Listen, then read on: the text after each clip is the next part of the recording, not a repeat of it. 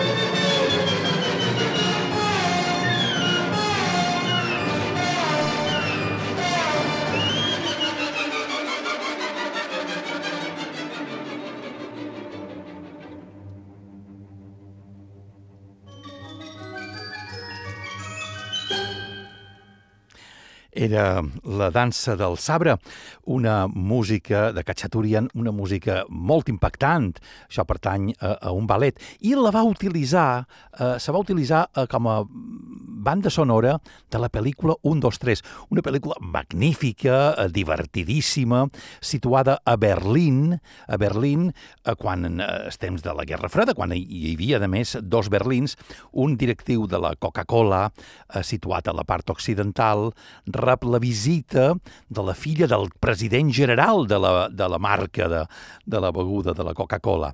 I aquesta lota s'enamora i van passant d'un Berlín a l'altre, bé, un desastre de, de, de, de situacions molt còmiques, travessant la porta de Brandenburg en cotxos, un que se persegueixen en els altres. Bé, tot una, tot una eh, escenes eh, divertidíssimes d'aquesta pel·lícula que vos recomano, una pel·lícula 1, 2, 3, per, per, per una d'aquestes trepidants escenes que se, eh, cotxos que se persegueixen eh, allà creuant d'Orient a Occident, des Berlín Oest, des Berlín Est, travessant la porta de Brandenburg, s'utilitza eh, aquesta música que apareix feta fins i tot per aquestes escenes. Magnífica aquesta dansa del sarbre utilitzada a la pel·lícula 1, 2, 3. Canviant de registre i del ballet, de la música mm, escrita inicialment pel ballet, passam a la música pensada per l'òpera.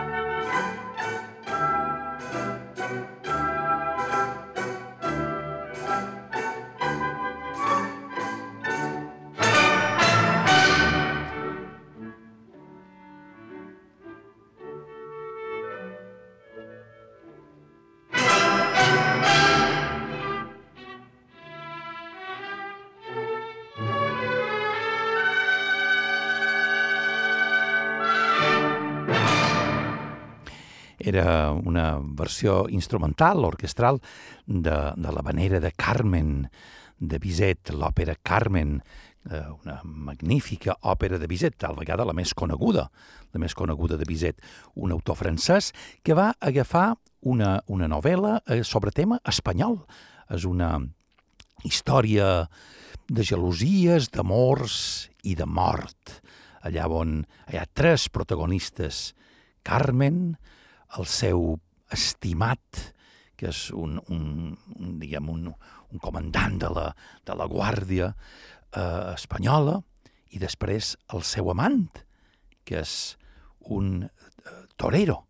Per tant, aquest eh, trio fa que eh, la història comenci d'una forma més sutil, més sensual, però acabi com un autèntic drama. Bizet, Carmen.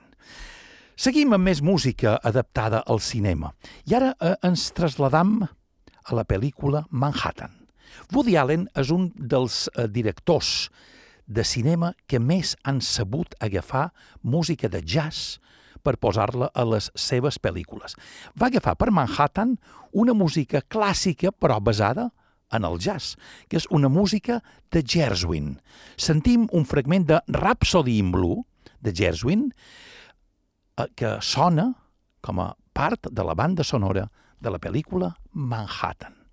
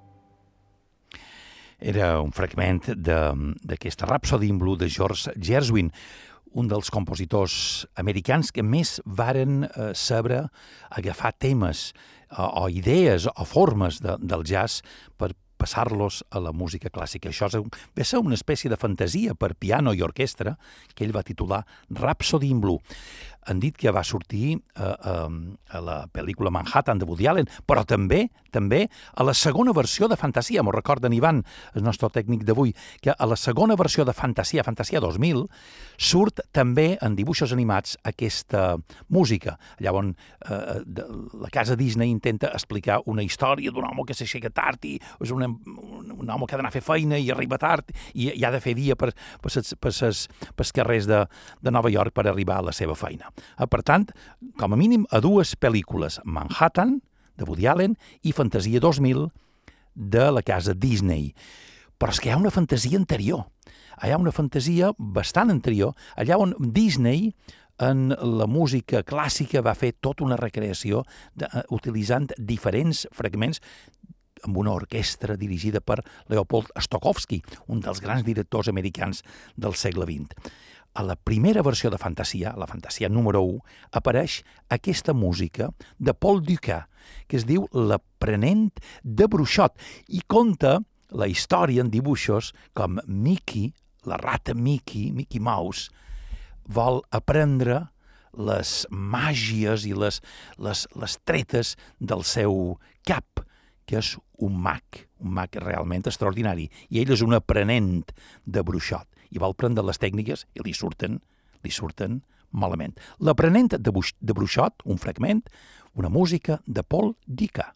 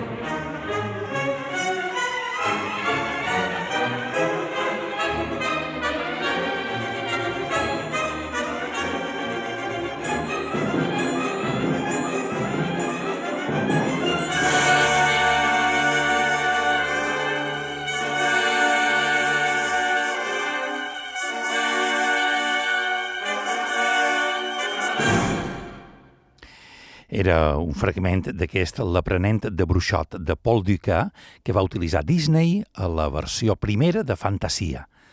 Una música preciosa i, a més, molt, la història que conta i els dibuixos que l'acompanyen realment s'ajusten magníficament en aquesta, en aquesta obra musical. Que si heu vist la pel·lícula i la teniu present, quan escoltava aquesta música vos han de venir al cap les imatges d'aquesta, les escenes de, de, de dibuixos animats amb Mickey Mouse. També les persones que han vist la pel·lícula Juegos Prohibidos, una pel·lícula preciosa, preciosa de, de, dels anys 70, eh, a Juegos Prohibidos hi apareix música per guitarra, una música anònima, que es diu Romance Anónimo. I avui sentirem una versió que en va fer el guitarrista Manuel Cubedo. Romance Anónimo de la pel·lícula Juegos Prohibidos.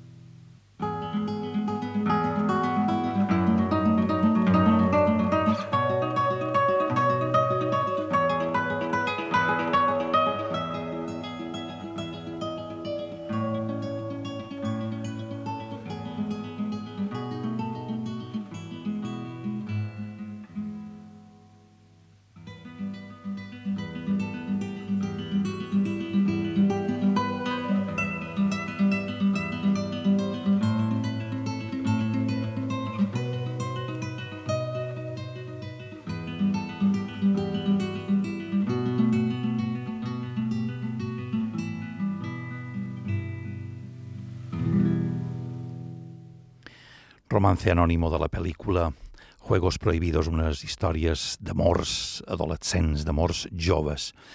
Un altre tipus d'història d'amor, però ja en clau una mica més còmica, és La Mujer 10. Recordava aquesta pel·lícula? Una pel·lícula eh, amb un to irònic, amb un to divertit. I en aquesta pel·lícula surt aquest tema de Maurice Ravel, que és és Bolero. Sentim un fragment d'aquest Bolero de Ravel que va il·lustrar algunes escenes de La Mujer Perfecta, La Mujer 10.